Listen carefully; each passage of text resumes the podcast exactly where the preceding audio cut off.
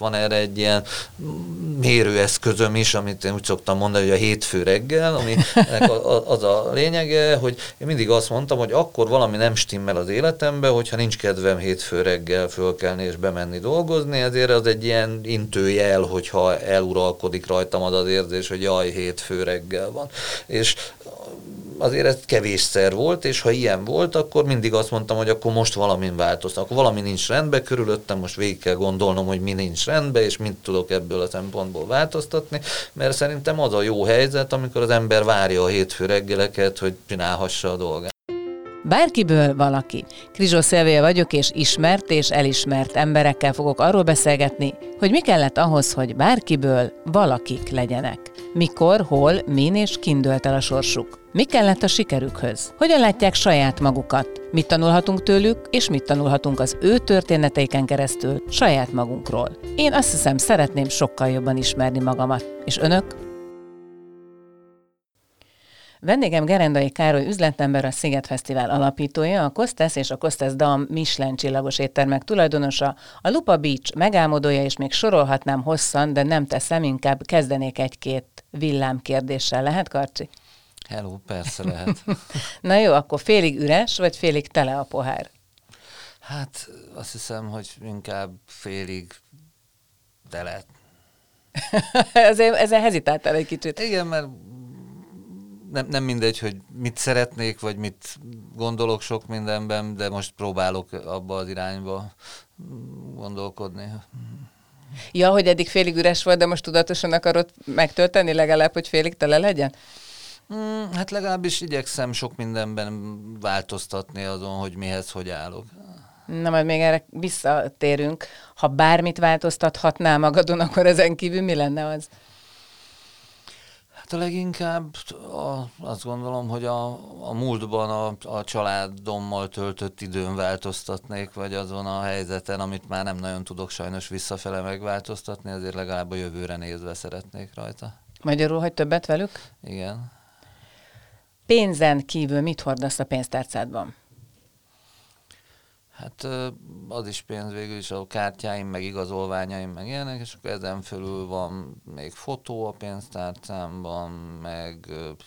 vannak ilyen, mit tudom én, egy, egy-két olyan dolog, amit különben, ha elfelejtek, az baj, és akkor ezért így fölírtam különböző dolgokat, amiket odaraktam el. Kinek a fotója? Hát egy közös fotó a feleségemmel. Ki a legfontosabb személy az életedben? egy személy, vagy személyek, mert hát a család, de az, az több mindenkiből. Tehát akkor mondhatjuk, hogy akkor a család így eh, megszemélyesítjük egy személyben.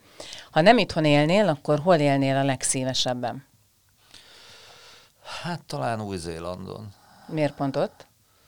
Mm, mert nagyon tetszett az a világ, amit ott láttam picit uncsi, tehát hogy olyan értelemben nem mondom, hogy, hogy hosszú távon is biztos ott szeretnék élni, de hogyha most az a kérdés, hogy hova mennék el most hosszabb időre szívesen, akkor oda biztos szívesen elmennék hosszabb időre is.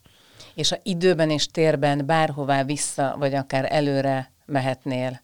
akkor hova és melyik időbe mennél? Hát szívesen mennék előre is, mert kíváncsi vagyok, hogy egyébként mi jön. Nem feltétlenül nagyon előre, tehát nem arra vagyok kíváncsi, hogy három ezerben mi lesz, hanem arra, hogy mondjuk nem tudom, a következő 50 vagy 100 évben mi lesz. Egyébként meg ha a múltba, akkor Hát valószínűleg a, például szívesen megnézném a magyar történelemnek néhány fontos időszakát, akár a mit tudom én, 19. század közepe, forradalmakkora, akár nem tudom, vissza akár így a nem tudom, 14. 15. század középkor időszakába, de hát sok minden. Tehát ha, ha lehetne utazgatni az időben, akkor szívesen utazgatnék, maradjunk ennyibe. Ha már szóba hoztad a, a 48-as forradalmat, el tudnád egyébként magadat képzelni forradalmárként? Hát ahogy öregszem egyre kevésbé, egy időben nagyon el tudtam volna magam képzelni. Ha választhatnál, akkor kivel találkoznál személyesen? Greta Thunberg, aki ugye ez a svéd aktivista igen, lány, vagy Jeff Bezosszal? és mindenképpen választani kell, uh-huh. vagy a Tudom, hogy mindent szeretnél, de, de van olyan, hát, amikor nem lehet minden. találkoznék az egyikkel és a másikkal. Nem tudom, hát talán ebből a szempontból a, azt gondolom, hogy inkább a jeff mert, mert ő, ő valószínűleg tőle több olyan dolgot tudnék kérdezni, ami, ami számomra érdekes, mint, mint a Grétától, aki nagyon izgalmas személyiség, csak azt hiszem, hogy amit mondani akar, azt már a médián keresztül is elmondta. Akkor még egy kérdés, megint csak választani kellene, Mick Jagger vagy Ferenc pápa? Hűha, egyre nehezebbeket kérdezel. Hát azt hiszem, azért a Jagger, mert Ferenc pápát én baromira tisztelem, és nagyon érdekes személyiségnek tartom, csak megint úgy érzem, hogy, hogy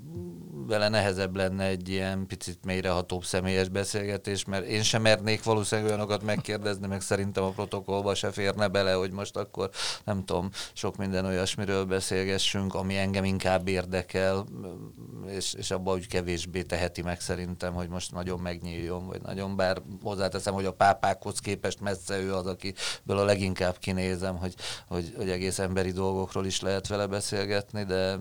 mondjuk ebb, tehát a Jaggerből inkább kinézem, hogy egy, egy jobb hangulatú beszélgetést össze tudnék vele hozni, vagy több közös témánk lenne. Egyébként mit kérdeznél tőle? Tehát, hogy mi lenne ez a legfontosabb dolog, amit szívesen megtudnál Jaggertől? Hát például nagyon kíváncsi vagyok arra, hogy akkor, amikor ők ezt az egészet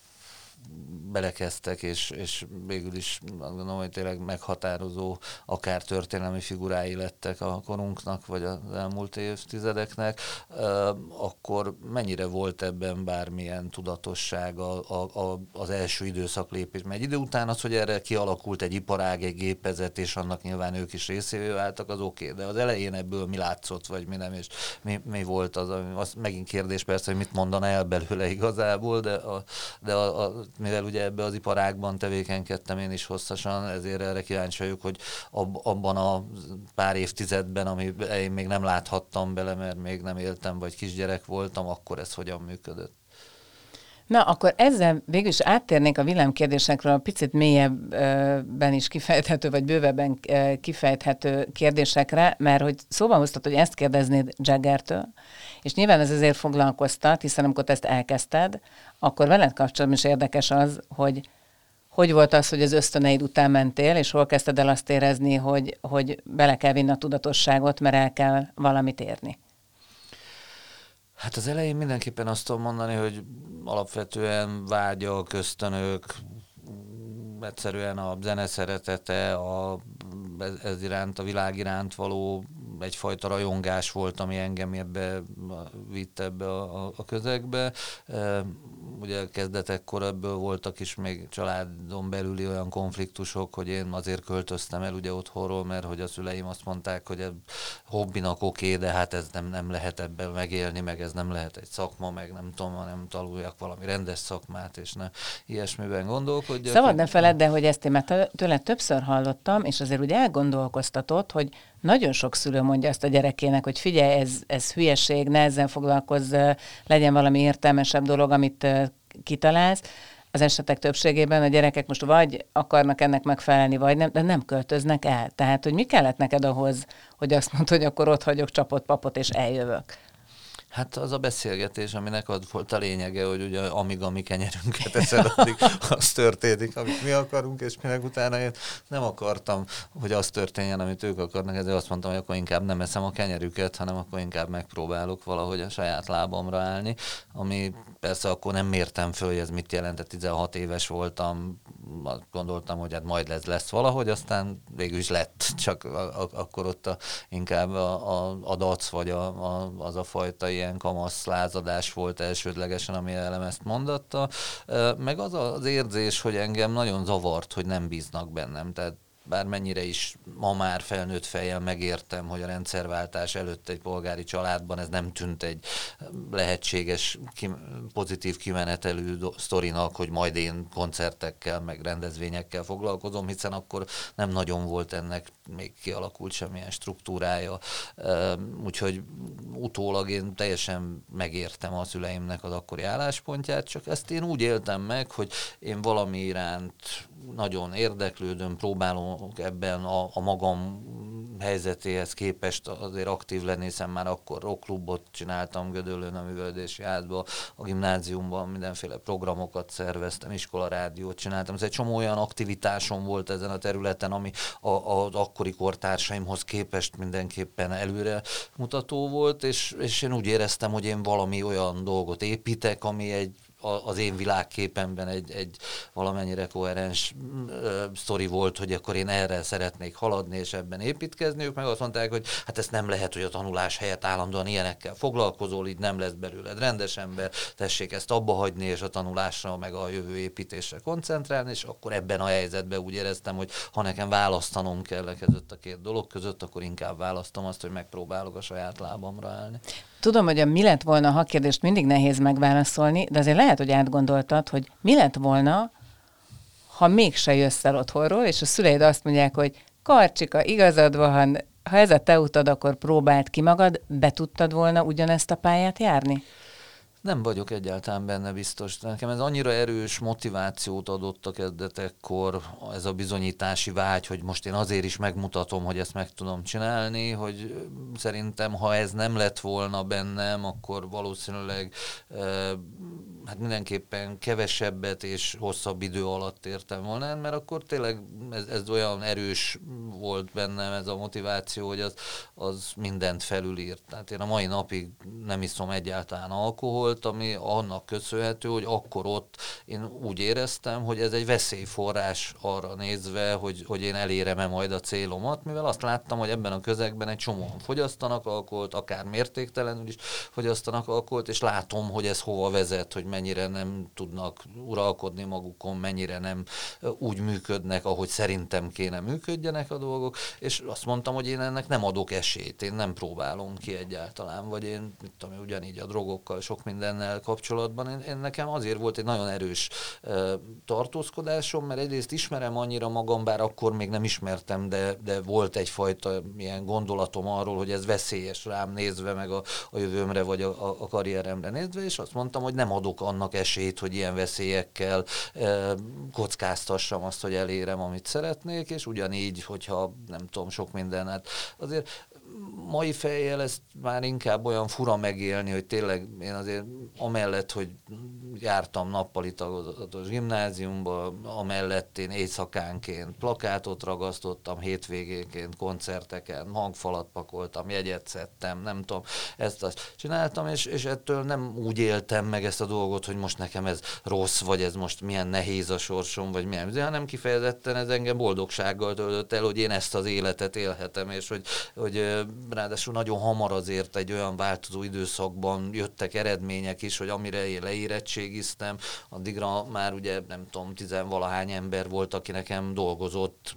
plakátragasztóként, mert, mert akkora volt az igény erre, vagy a, a 22 éves voltam, amikor a Szigetbe belekezdtünk, amikor a többiek még diplomát se szereztek, akkor én már egy országosan ismert rendezvénynek lettem a főszervezője, és ha nem tudom, tehát hogy, hogy nagyon azt gondolom, hogy, hogy szerencsém is volt abban, hogy jókor voltam jó helyen, és volt bennem egy nagyon erős olyan küldetés tudat ezzel kapcsolatban, hogy én ezt meg akarom valósítani, hogy, hogy ez ha, ha nem lett volna, hanem helyette olyan, olyan kényelmesek a körülmények, vagy úgy minden klappol, akkor korán sem biztos, hogy, hogy ugyanilyen erőszakkal, ugyanilyen erő, tehát elköteleződéssel mentem volna bele abba a, a helyzetbe, amiben hát azért mindig lehetett volna kicsit könnyebb utat is választani, vagy mindig lehetett volna kicsit kényelmesebben is haladni azon az úton, és akkor, akkor ha nincs az az érzésem, hogy igenis én most átmegyek a falon is, ha kell, akkor, akkor valószínűleg ez kevésbé következik be. De egyébként voltak, akik segítettek, vagy a szüleit például, amikor eljöttél, utána azért gondolom nem vették le róla teljesen a kezüket, vagy levették? Nem, nem, vagy? hát olyan értelemben nem vették le a kezüket, hogy nem az történt, hogy akkor onnantól már nem tudom, soha többet nem tartottunk semmilyen szinten kapcsolatot, csak hát egy, egy sokkal kevésbé intenzív, hiszen nem, tehát én ugye úgy voltam vele, hogy, hogy akkor akarok hozzájuk menni, ha valamit föl tudok majd mutatni ebben, hogy igenis, a, ő, ők meg hát itt természetesen érdeklődtek irántam, meg ugye nekem elváltak a szüleim, és akkor az édesanyám még Gödöllőn laktak a hugommal, mi meg Budapesten a apukámmal, meg a nevelőanyukámmal, és akkor az édesanyámmal inkább intenzíven tartottam továbbra is a kapcsolatot, édesapámékkal is azért családi ünnepeken, születésnap, ilyen-olyan alkalma, akkor azért így találkoztunk, azon túl meg, hát ugye akkor még nem nagyon voltak mobiltelefonok, de mondjuk, hogyha valami olyan helyzet volt, akkor akár tudtuk egymás telefonszámát, vagy tudtuk,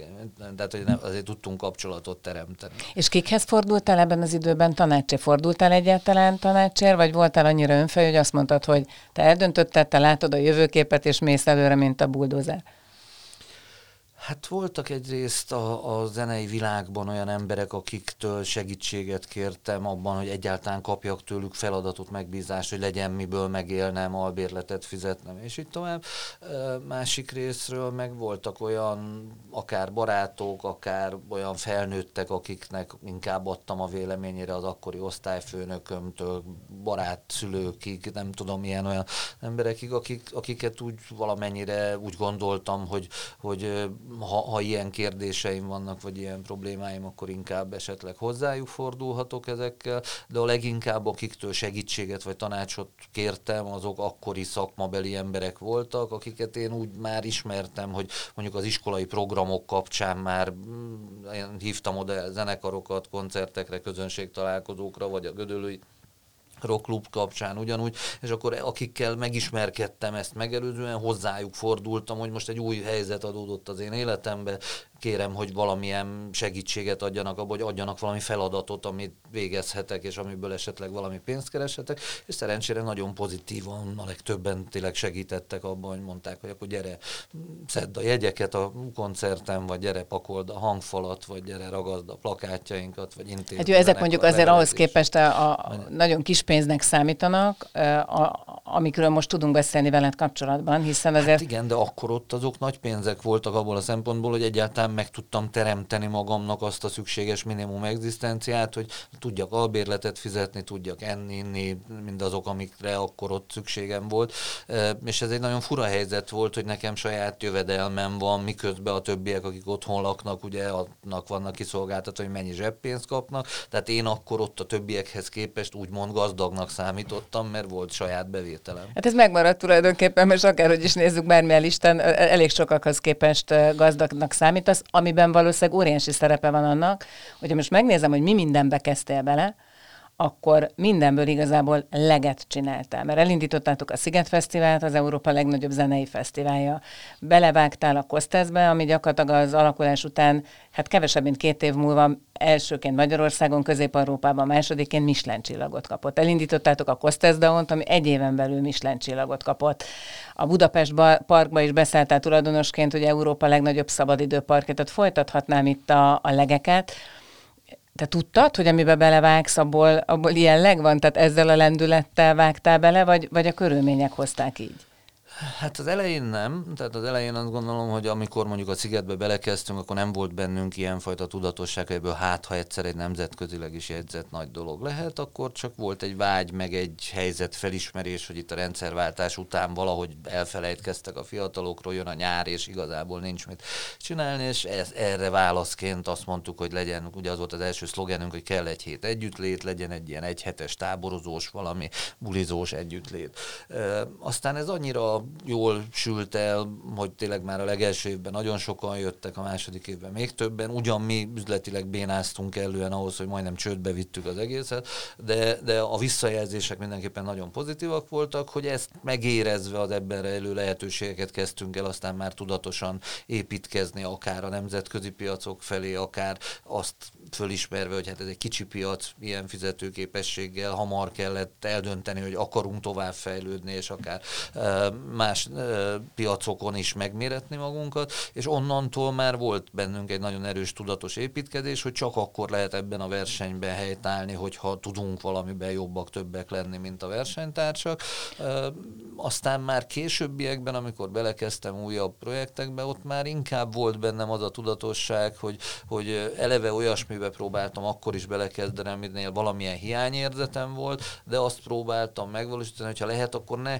hiszen sose a spanyol viasz, tehát nem arról van szó, hogy nem voltak előtte éttermek, nem voltak előtte strandok, vagy szórakozóhelyek, vagy bármi egyéb, hanem én azt mondtam, hogy ezen belül meg kéne próbálni egy olyan új szegmens teremteni, ami úgy látom, hogy hiányzik, és ami, ami érdekes szakmai kihívás is számomra,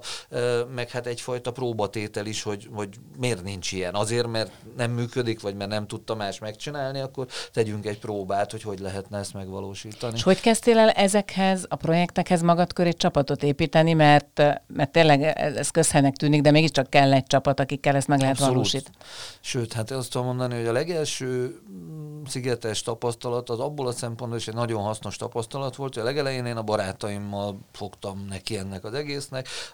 Baromi helyes, kedves fiatalok voltak, de hát egyikünk se értett hozzá, hogy mit is csinálunk. Azért én lettem az első pillanatban már az ügyvezető, meg a főszervező. Én voltam egyedül, aki legalább már koncertek szervezésével fog foglalkozott, de egyébként a csapatban a, tényleg a virágkertésztől, a műfordítóig, a szociális munkástól, a matek tanárig mindenféle volt, de olyan, aki rendezvény szervezést látott volna, vagy értett volna hozzá, nem volt, ezért, ezért nagyon hamar megtapasztaltam azt, hogy ez milyen hátrányokkal tud járni, hogyha nem értünk ahhoz, amit csinálunk, és nincs egy olyan csapat, akivel hatékonyan lehet építkezni, bár mondom, sikertörténet volt az egyik oldalról, de a másik oldalról azért közben voltak ennek hátulütői. Ezért onnantól bármibe fog fogtam, mindig az egy kulcskérdés volt számomra, hogy lássam, hogy kikkel fogom ezt megvalósítani, kiknél van ott az a tudás, amire alapozva egyáltalán esélyt adhatok magamnak, hogy ezt megvalósítsam, ezt az elképzelésemet. Tehát én előbb volt az éttermeknek séfje, vagy üzletvezetője, vagy ügyvezetője, mint maga a, mondjuk meg lett volna akár az ingatlan, hogy hol lesz a,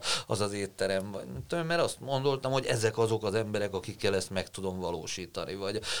azóta is, hogy hogyha újabb projektekbe fogtam, akkor mindig próbáltam azt mondani, hogy először azt nézem meg, hogy kik azok a kulcsfigurák, és sokszor ezek akár ismétlődő személyek, hiszen ha valamit már sikerült megvalósítani, akkor sokszor azokból az emberekből utána hívok magammal egy új projektbe is máshova további társakat vagy csapattagokat, úgyhogy ezért azt tudom mondani, hogy, hogy ma már ebben nagyon tudatosan építkezem, hogy, hogy látom azt, hogy kikre tudok úgy építeni, hogy egyrészt félszavakból értjük egymást, egymást, másrészt meg látom, hogy ott van náluk az a tudás, ami nálam hiányzik, mert ezt megtanultam, hogy enélkül nehéz sikerre vinni valamit. Könnyen el tudod engedni egyébként mások kezét? Tehát, hogy könnyen hátat fordítasz azoknak, akikre azt mondod, hogy oké, okay, akkor bízom bennük? Meglepően könnyen. Én azt hittem, hogy ez sokkal nehezebben fog menni. Mondjuk ebből a legnagyobb elengedés az, amikor a szigetet elengedtem 25 év után, és az nekem tényleg egy nagy próbatétel volt, hogy vajon hogy fog ez menni, meg tudom-e csinálni, és, és megdöbbentően jól ment olyan szinten, hogy így egyik pillanatra a másikra szintet tudtam váltani, és, és abszolút lezárni magamban valamit fejbe. Persze ez kellett az, hogy előtte tudjam, hogy már kineveltem az utódomat, nagyjából a 25 év alatt mindazt, amit úgy éreztem, hogy ebbe én bele tudok tenni, azt beletegyem, és ráadásul volt bennem azért már egy csomó frusztráció abból fakadóan, hogy úgy éreztem, hogy kiöregszem, egyre kevésbé értek hozzá, egyre több időt, energiát vesz olyan dolgoktól el, ami, amit mással szívesebben foglalkoznék, úgyhogy ez egy tudatos felkészülési szakasz volt számomra, amikor a Kádár Tomit oda hívtam, hogy dolgozzon a Szigetnél, akkor én azzal érveltem neki már, nem tudom, kilenc évvel ezelőtt, hogy azért jöjjön el, mert szeretném, ha ő lenne majd az utódom, és majd valakinek átadhatnám a stafétát, aztán pár év után úgy éreztem, hogy ez nagyjából megérett ez a helyzet arra, hogy tényleg át is adjam, és ugye most már három éve ez megtörtént. Úgyhogy azt tudom mondani, hogy, hogy az elengedés, az, az bár féltem tőle, de kifejezetten jól ment, az a része meg engem valahogy mindig jobban érdekelt. Tehát annak ellenére, hogy sok mindent meg tudtam valósítani az életembe, hogy nem csak gondolkodtam rajta, vagy nem csak a, mondjuk ugye a kreatív részében vettem részt, hanem a megvalósítás részébe is valamilyen szinten belefolytam, de azért azt hamar megtanultam, hogy ahhoz tényleg sok idő, energia kell, hogy valaminek az operatív működtetésébe is részt vegyél, ezért általában mindig bármilyen új projektben gondolkodom, akkor ebben meg próbálom úgy kitalálni a saját helyem, hogy az elindításkor még aktívan részt vegyek, de a működtetésben már ne kelljen részt vennem. Ez persze eredményezi azt a nagyon fura helyzetet is, hogy egy ideje azon gondolkodom, hogy valójában ki is vagyok én, mert hogy valójában van egy csomó mindenhez közöm, de nincs olyan ügyem, ami most az ügyem. Tehát ahogy nekem a Sziget 25 éven keresztül evidencia volt, hogy az az én munkahelyem, én amikor megkérdezték, hogy ki vagyok, akkor azt mondtam, hogy rendezvényszervező vagyok, és max vannak egyéb más tevékenységeim is. Most ebből a szempontból egy picit ilyen identitás zavaros vagyok, hogy nincs névjegy, nem tudok rá mit írni, hogy ki vagyok én, vagy nincs irodám, nincs asszisztensem, nincs nem tudom, semmi olyan kötöttségem, amit persze baromira élvezek az egyik oldalról, csak most, hogyha úgy fölteszem magamnak azt a kérdést, hogy most mi is az én aktuális tevékenységem, akkor föl tudok sorolni különböző tevékenységeket, és éppen ezen a héten lehet, hogy ezzel foglalkozom többet, a jövő héten meg lehet, hogy azzal, mert most épp itt ég inkább a ház, vagy most épp ott van rám jobban szükség, de megszűnt ez a fajta tudatállapotom, hogy én alapvetően valamivel foglalkozom, és mellette vannak ügyeim, hanem most ügyeim vannak, és nincs egy központi dolog. Egyébként ugye most nyáron leszel 50 éves. Ez van mondjuk ennek a gondolatnak, az identitás keresésnek eh, mondjuk ehhez köze? Tehát azért 50 évre szokták azt mondani, hogy mit tudom én, fél évszázad, akkor az ember egy picit számon vett, számot vett azzal, hogy mi volt eddig, meg aztán mi lesz a, a, a következő 50-ben. Igazság szerint ilyen nincs bennem, tehát a, néha eszembe jut, hogy igen, 50 éves leszek, de ez inkább arról az oldalról jut eszembe, hogy úgy elgondolkodom azon, hogy én hogyan gondoltam az 50 évesekre egyébként mondjuk 20-30 évvel ezelőtt. És hogyan gondoltál? Megrett. Tehát, hogy azok már olyan bácsik voltak. Vagy tehát, hogy, hogy, hogy, hogy, az mennyire normális, hogy én mondjuk, tehát nem, nem véletlen, hogy ebből a szórakoztatóiparvilágból próbálok a leginkább kivonulni, eh, vagy ennek mondjuk a zenei részéből, mert ebben érzem a legkevésbé már komfortosan magam. Tehát így belegondolok abba, hogy elmegyek egy koncertre, nem tudom, nyilván nézőként egy picit más, mint úgy, hogyha ahhoz közöm van, és, és úgy végignézem a, azt a közeget, a, a, a, akik ott vannak, és az átlag életkor mondjuk nem tudom, 25 vagy 28 vagy max 31, és akkor ehhez képest én ott 50 évesen most mit, mit keresek még ott, vagy de az egy olyan fura dolog. Ugyanez egy étterembe, vagy egy nem tudom, egy tónál a ottani fejlesztés, sokkal kevésbé, bár mondjuk a Lupatónál is azért az átlag életkor talán ennél fiatalabb a, a látogatók oldaláról is, de messze nem, nincs ilyen nagy különbség, tehát nem csak, csak fiatalokat látsz elsődlegesen, nem. Tehát, hogy, hogy ebbe úgy kevésbé lógok ki, meg ezek úgy jobban közel állnak az aktuális érdeklődésemhez. De milyen érdekes egyébként, amit mondasz, mert ha rád nézek, és mondjuk nem tudnám, hogy te ki vagy, és mondjuk nem tudnám, hogy téged hol tartanak számon Magyarország, mit tudom én, hányadik leggazdagabb emberekként, akkor azt mondanám, hogy itt van egy örök ifjú rocker, aki, aki ugyanúgy a lóg a haja, vagy néha összeketti cofba, általában bőrcsekiben, vagy mellényben, egy Isten vagy éppen most is farmer jackiben van, tehát hogy így a külsőségeidben inkább azt mondanám, hogy, hogy bármelyik rockkoncerten el tudlak képzelni. Én nem arról van szó, hogy nem tudom magam elképzelni rockkoncerteken, csak már ebből a szempontból nagyon megváltozott az életem, és ebben nyilván volt tudatosság is, meg volt egyszerűen az öregedés, vagy a nem tudom, a, a, a külső körülmények is.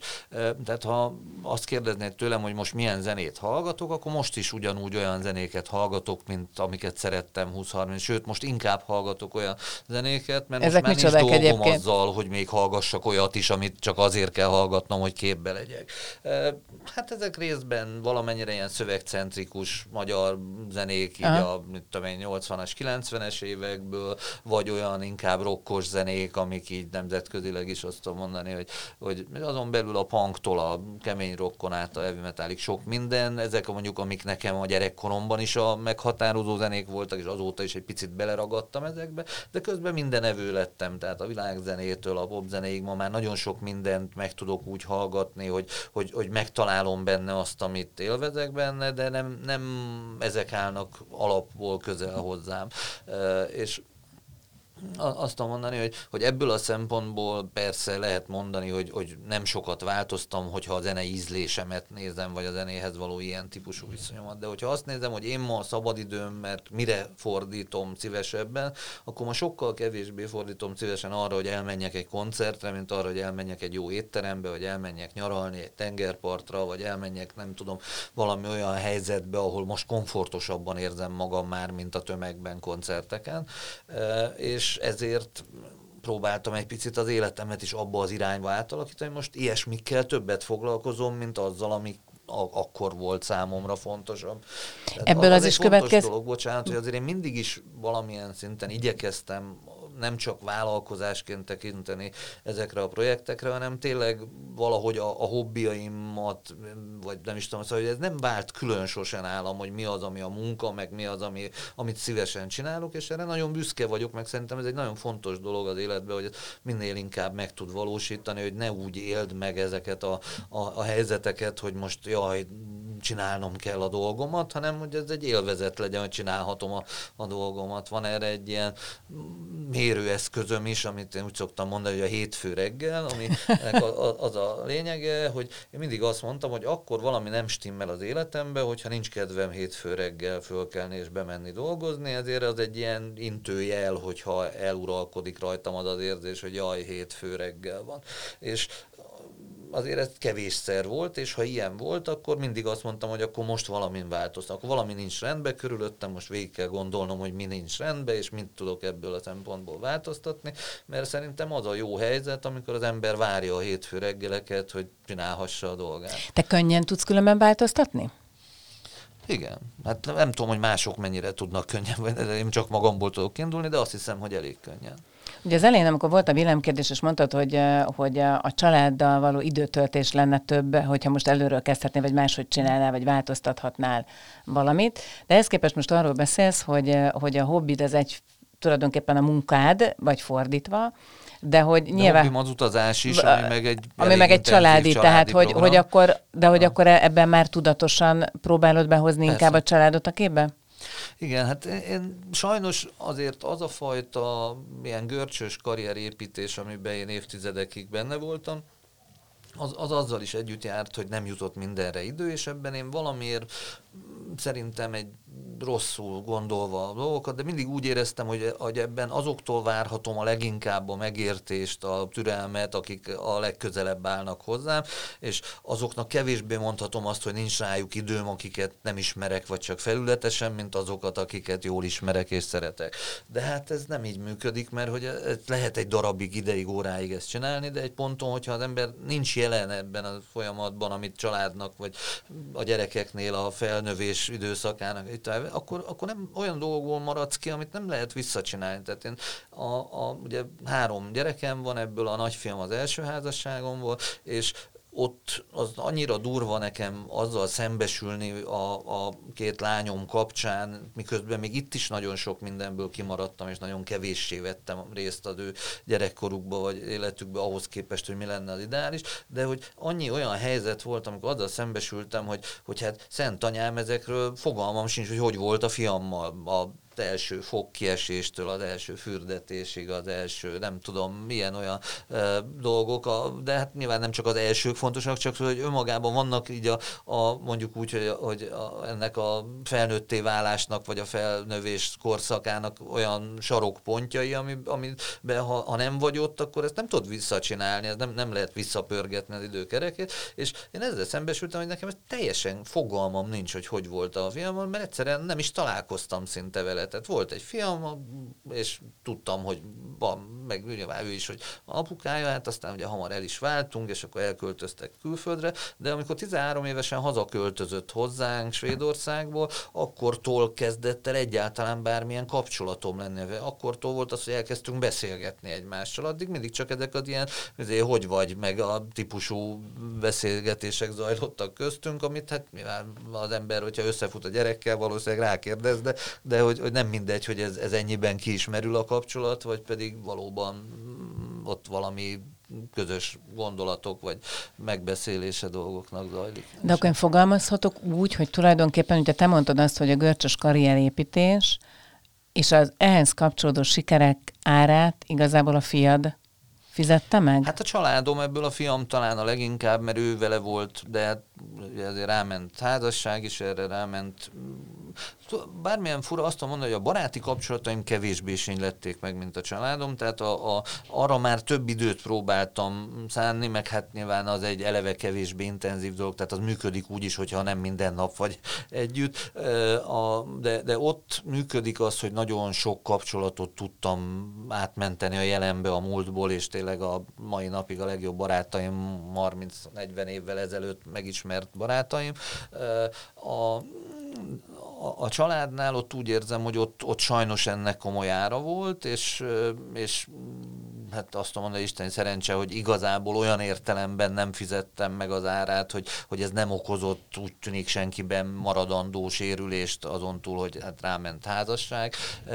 de, de ez is végül is még azt gondolom, hogy a, a, a végén olyan értelme jól alakult, hogy mindenki megtalálta a maga megfelelő boldogságát, meg partnerét de, de ebben biztos, hogy nagyon rosszul teljesítettem. Miközben nekem van egy elég erős kényszerem arra, hogy jól teljesítsek, ezért ebben azt gondolom, hogy ez drámai, ahogy itt sikerült teljesítenem,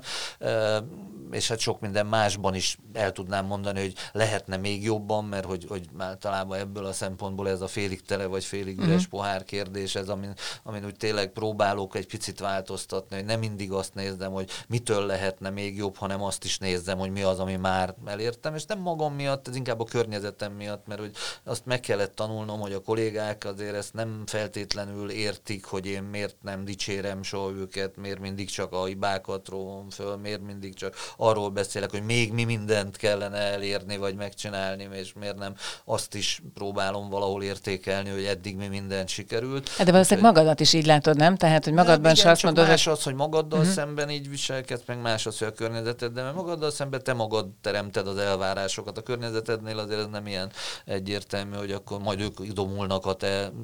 elképzeléseidhez, vagy megértik azt, hogy hát te ilyen vagy, aki nem dicsér, vagy a nem tudom. Tehát, Ugye ez abból a szemben nagyon érdekes dolog, hogy a teljesítménykényszer, az akárhogy is nézzük, teljesítményekre sarkal, aminek eh, ha még társul hozzá kitartás, meg szorgalom, meg szerencse, meg nem tudom még micsoda, majd abban te segítesz, hogy még micsoda, akkor meghozza az eredményt ha nincs teljesítménykényszer, akkor hogy az elején fogalmaztál, lehet, hogy az ember egy picit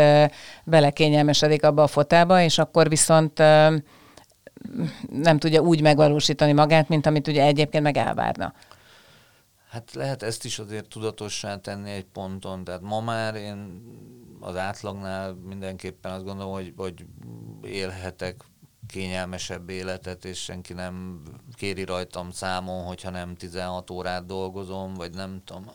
az az én döntésem, de azt gondolom, hogy ha valamiben oda akarom tenni magam, valamiben újra sikert szeretnék elérni, akkor ennek a mai napig megvan az ára, és akkor ebben kell valamilyen prioritási sorrendet felállítani, hogy akkor most ez mikor, minek a kárára megy, csak most már próbálok arra tudatosan odafigyelni, hogy ne, lehetőleg ne a család kárára menjen.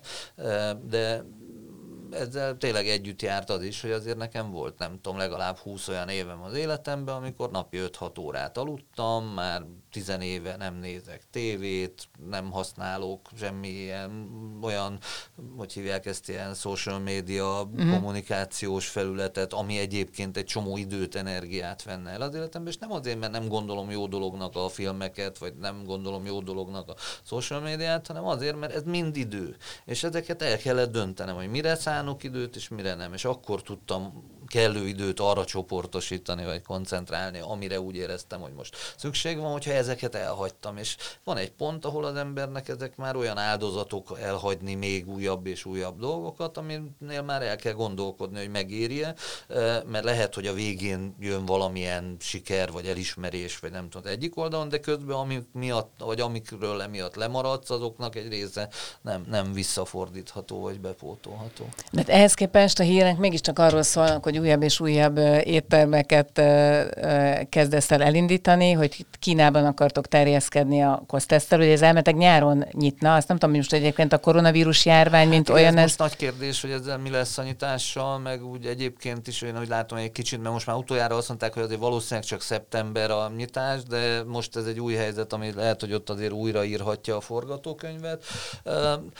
ebben azért azt szeretném helyre tenni, hogy ez igaz, hogy most is van sok új dolog, amiben belefogtam, sőt, még terv is van arra, hogy még újabb dolog, de ezekben már én azért nem úgy fogtam bele, hogy ezekből bármelyikben nekem állásom lesz, és napi x óra munkám lesz, hanem ezekben én úgy fogtam bele, hogy ezek olyan projektek, amikre látom, hogy kikkel, hogyan akarom megvalósítani, és tudom, hogy ebben mi az én dolgom, és ehhez mennyi idővel, energia befektetéssel jár, ez sokszor persze összesűrűsödik oda, hogy, hogyha főleg ha egyszerre több dolgot akarsz csinálni, hogy egyszer csak tele van vele a napod, de én az elmúlt években, amióta a Szigettől eljöttem, azért ilyen évi, hát szerintem átlagosan 100 vagy 100 fölötti napot mondjuk utazással tudtam tölteni, ami előtte egyáltalán nem így volt. Vagy a, és ezek abból fakadnak, hogy, hogy lett annyi szabad időm, és meg tudtam ebből ennyit őrizni, úgyhogy még mellette különböző tevékenységeket azért űzöm, akkor, amikor épp itt vagyok, akkor nagyobb aktivitásra, de utána el tudom olyan szinten engedni, hogy én simán elutazunk valahova két-három hétre, akkor nem kell úgy élnem az alatt a két-három hét alatt, hogy folyamatosan nézem a telefonomat, meg az e-mailjeimet, de nem maximum esténként odaülök, és megnézem, hogy jött-e valami, vagy uh, akár azt is megengedhettem magamnak, volt amikor azt mondtam, hogy direkt kipróbálom azt, hogy akkor most úgy megyünk el, hozzáteszem, hogy nem hónapokra, de hogy uh, azért nem is egy napra, mm-hmm. hanem több napra, hogy akkor én most egyáltalán ez alatt a pár nap alatt megpróbálom azt megcsinálni, hogy nem nézem meg a mélyeimet, meg nem És jól érezted így magad? Igen, igen. Tehát, de ehhez az a tudat kell, hogy, hogy azt érzem, hogy, hogy úgy hagytam rendben itt a dolgaimat, hogy, hogy nem kell attól tartanom, ha csak valamilyen véletlen katasztrófa helyzet nem adódik, hogy, hogy én okoztam azt a problémát, hogy azzal, hogy elmegyek, azzal itt egy omlás helyzet van. Kacsi, a pénz ebből a szempontból azt a fajta szabadságot jelenti neked, hogy utazhatsz, és azt csinálhatod, hódolhatsz azoknak a szenvedélyeknek, amiket szeretnél, vagy, vagy, vagy sokkal többet ennél? Mit, mit jelent neked pontosan? Hát sok, sok mindent jelent, de úgyhogy ez, ez ember nem mondjon közben ilyen nagyon nyálas, vagy ilyen nagyon közhelyes dolgokat, úgy, úgy ezekről nehéz beszélni, de én, én, én tényleg azt szoktam mondani, hogy szerintem az egy alapvető tévedés, hogy a pénz nem boldogít, a pénz az arra van, hogy boldogítson, csak önmagában ez nem tud csak a pénzboldogságot adni, max ideig, óráig helyzetekben érezheted úgy, hogy ettől jobb neked. De hogyha azt a helyére tudod tenni, hogy a pénz az egy eszköz ahhoz, hogy te egyébként megvalósíthass olyan álmaidat, amihez pénz kell, akkor szerintem ezt lehet a helyén kezelni, és nem szabad ennek a bűvöletébe vagy a rabságából kerülni, hogy akkor most ezért aztán mindenképpen a pénz a központi elem az életedbe. Ez persze könnyű annak mondani, akinek van, valószínűleg sokkal nehezebb annak megélni, hát akinek eh, nincs, és ez, ez a, tényleg a, a megélhetéshez kell a, a mindennapi betevő falathoz a, a pénz. De szerintem a, a, hogyha tudod úgy a pénzt kezelni, hogy tényleg az egy hozománya annak, hogyha valamit jól csinálsz, és egy mérőeszköze annak, vagy egy mérőszáma annak, hogy egyébként mondjuk üzletileg mennyire sikeres, amit csinálsz, akkor ezt is lehet úgy a helyén kezelni, hogy, hogy, hogy ebből, ha, ha minél több van, akkor ott minél több lehetőséget ad számodra, akár arra is, hogy utazgathass, arra is, hogy egyébként olyan életet élhess, amiben sok minden belefér, ami egyébként nem férne pénz nélkül bele, de ezen túl úgy is érdemes ezt a dologhoz közelíteni, és ezáltal sokkal több lehetőséged van arra is, hogy további ötleteidet, álmaidat megvalósítsd, és hogy ebből minél mi a mérőszám, azt te, te határozod meg. Tehát nekem mindig is voltak olyan úgymond vállalkozásaim, amik e, cégforma vagy jogi értelemben vállalkozásnak minősültek, de nem úgy közelítettem hozzájuk, mint vállalkozás, mert nem azt mondtam, hogy az az elvárásom, hogy ebben nem tudom milyen profit legyen, vagy ilyen hozam, vagy olyan nem tudom megtérülés, hanem azt mondtam, hogy én azt szeretném látni, hogy ez mondjuk mint kompromisszumok nélkül tudunk megvalósítani egy gasztronómiai programot, aminek ha az az ára, hogy egyébként ez így nem éri meg, akkor akár ezt ezt is bevállalom, mert szeretném látni, hogy meg tudjuk ezt valósítani. Persze ez hosszú távon nehéz föntartani ezeket a helyzeteket, mert az, hogyha valami csak viszi a pénzt, akkor az elején lehet, hogy a, a szakmai sikerek ezért kárpótolnak, de egy ponton azért az nem egy olyan jó érzés, amikor, amikor azt látod, hogy nem akar valamilyen módon egy eleme rendbe lenni annak, amit csinálsz, és azért az, hogyha valami veszteséget okoz, persze mondom, más az, hogyha nyilván, hogy alapítványt csinálsz, ahol a beteg gyerekeket nem, ott nem várhatod el azt, hogy és ebből még nyereséged is képződjön. De hogyha egy klasszikus vállalkozási formában mondjuk éttermet csinálsz, akkor az egy ponton azért fölteszed magadnak a kérdést, hogy hát ezzel azért csak-csak valami megoldást kéne találni, de hogy ez ne, ne állandósuljon ez a, a, a finanszírozási kényszer, és akkor ott jött be például a Costes Downtownnak az ötlete, hogy akkor, akkor csináljunk egy következő éttermet, ahol már kiküszöbölve azokat a hibákat, amiket az elsőnél elkövettünk, megtanulva a saját hibáinkból azt, hogy mi a, a jó módszer, e, próbáljuk ezt hasznosítani, és ott bevált, hogy már a második étterem az már több plusz termel, mint az első mínuszt, és akkor így már üzletileg is értelmezhető a csomag, úgyhogy nem kellett közben föladni azból, hogy, hogy kompromisszumokat kötni, és esetleg a, a minőségből engedni azért, mert különben nem rentábilis. Üzleti szempontból, ha az elmúlt éveket nézed, akkor biztos volt olyan, hogy ellenszélben kellett dolgozni. Hoztál-e, kellett-e hozni olyan kompromisszumokat, amikre akár adott esetben utólag rosszul tekintesz vissza, mert azt mondod, hogy mégiscsak valahol elvtelen kompromisszumok voltak, vagy bármilyen kompromisszumot kellett te hoznod azért, hogy működjenek azok a dolgok, amiket megálmodtál magadnak? Hát bocsánat, hadd kezdjem ott, mert most olyanra nem nagyon emlékszem, hogy nekem olyan típusú kompromisszumokat kellett volna hoznom, ami így megragad bennem, hogy hú, ott azt azért sajnálom, hogy meg... Tehát ilyen, ilyen görcseim, vagy ilyen típusú rossz emlékeim nincsenek a múltból. De az, hogy mi a kompromisszum, az azért egy nagyon hát mondjuk úgy, hogy ingoványos terep, mert ezt azért nagyon tudod magadnak így vagy úgy magyarázni. Tehát az ember a legtöbb cselekedetét meg tudja utólag magyarázni vagy ideologizálni, akkor is, hogyha egyébként az nem biztos, hogy az ideális volt. Én kifejezetten hiszek abban, hogy a kompromisszumok azok inkább hasznos dolgok, és nem haszontalan dolgok. Tehát annak ellenére, hogy vannak olyan szakmai programok, ilyen mondjuk az, hogy minőségi gasztronómiát csinálj, ahol tényleg komolyan kell venni azt, hogy abban nem kötsz kompromisszumot, hogy milyen az alapanyag minősége, milyen a szakember, milyen bizonyos dolgok, de ez nem azt jelenti, hogy abban sem szabad kompromisszumot kötni, ami az üzleti érvényesülése ebben, hogy, hogy, hogy hol vannak azok a pontok, ahol, ahol meg tudod találni azt a közös nevezőt, amivel mondjuk az ellenérdekelt felek is inkább egy érdekfélé válnak. Mert ugye az üzletben nekem az egy alapvető ilyen tárgyalási taktikám volt mindig is, hogy egyrészt hozzáteszem, én utálom a, a, a klasszikus konfliktusokat, bármilyen konfliktusokat az életben, tehát egyszerűen utálom, a vitatkozni kell, a fölemelni a hang hangom, ha nem tudom, bármit erőből meg. Szóval ez, ez, ez engem kifejezetten e, feszélyez, és, és nem, nem érzem jól ilyenkor magam a bőrömbe. Ezért én, amikor üzleti tárgyalásra megyek, vagy készülök, vagy bármilyen helyzetbe kerülök, akkor mindig úgy próbálok erre fölkészülni, nem csak azt próbálom végig gondolni, nekem mi a célom ezzel az adott tárgyalással, hanem azt is, hogy a másik félnek mi lehet a célja ezzel a tárgyalással. Hol van az a közös nevező, ahol mind a ketten elégedettek lehetünk. Mert ha ezt meg tudjuk találni, akkor én hiszem, hogy az hosszú távon is egy sikeres kapcsolat lesz, hiszen mind a ketten komfortosan érezzük magunkat ebben a helyzetben. Hogyha bármelyikünknél ez nincs meg, akkor az abban lesz érdekelt, hogy valahogy előbb-utóbb ezen a helyzeten változtasson és kikerüljön belőle lehet, hogy ideig, óráig én nyerhetek többet egy adott tárgyalásra, hogy most én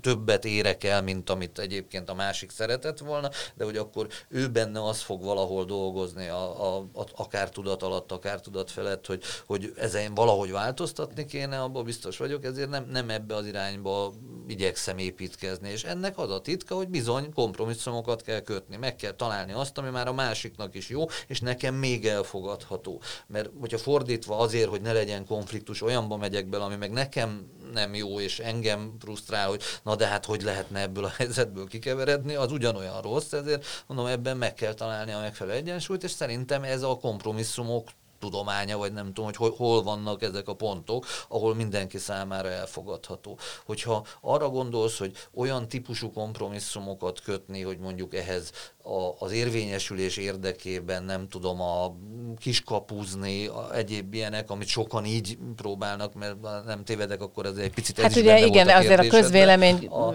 ugye általában a, a, az üzleti világot úgy hogy mondjam, apostrofálja, hogy ott azért meg kell találni a kiskapukat, adott esetben a politika felé, a nem tudom kik felé,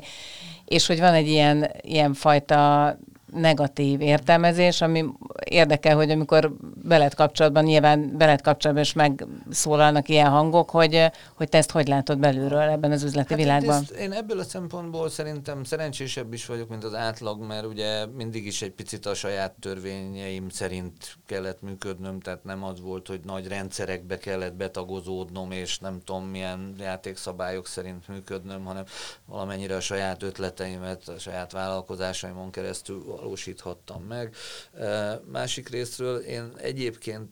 azt gondolom, hogy az üzletvilága messze nem olyan rossz, vagy olyan kegyetlen világ, mint sokan ezt gondolják kívülről, mert hogy mindig azok a példák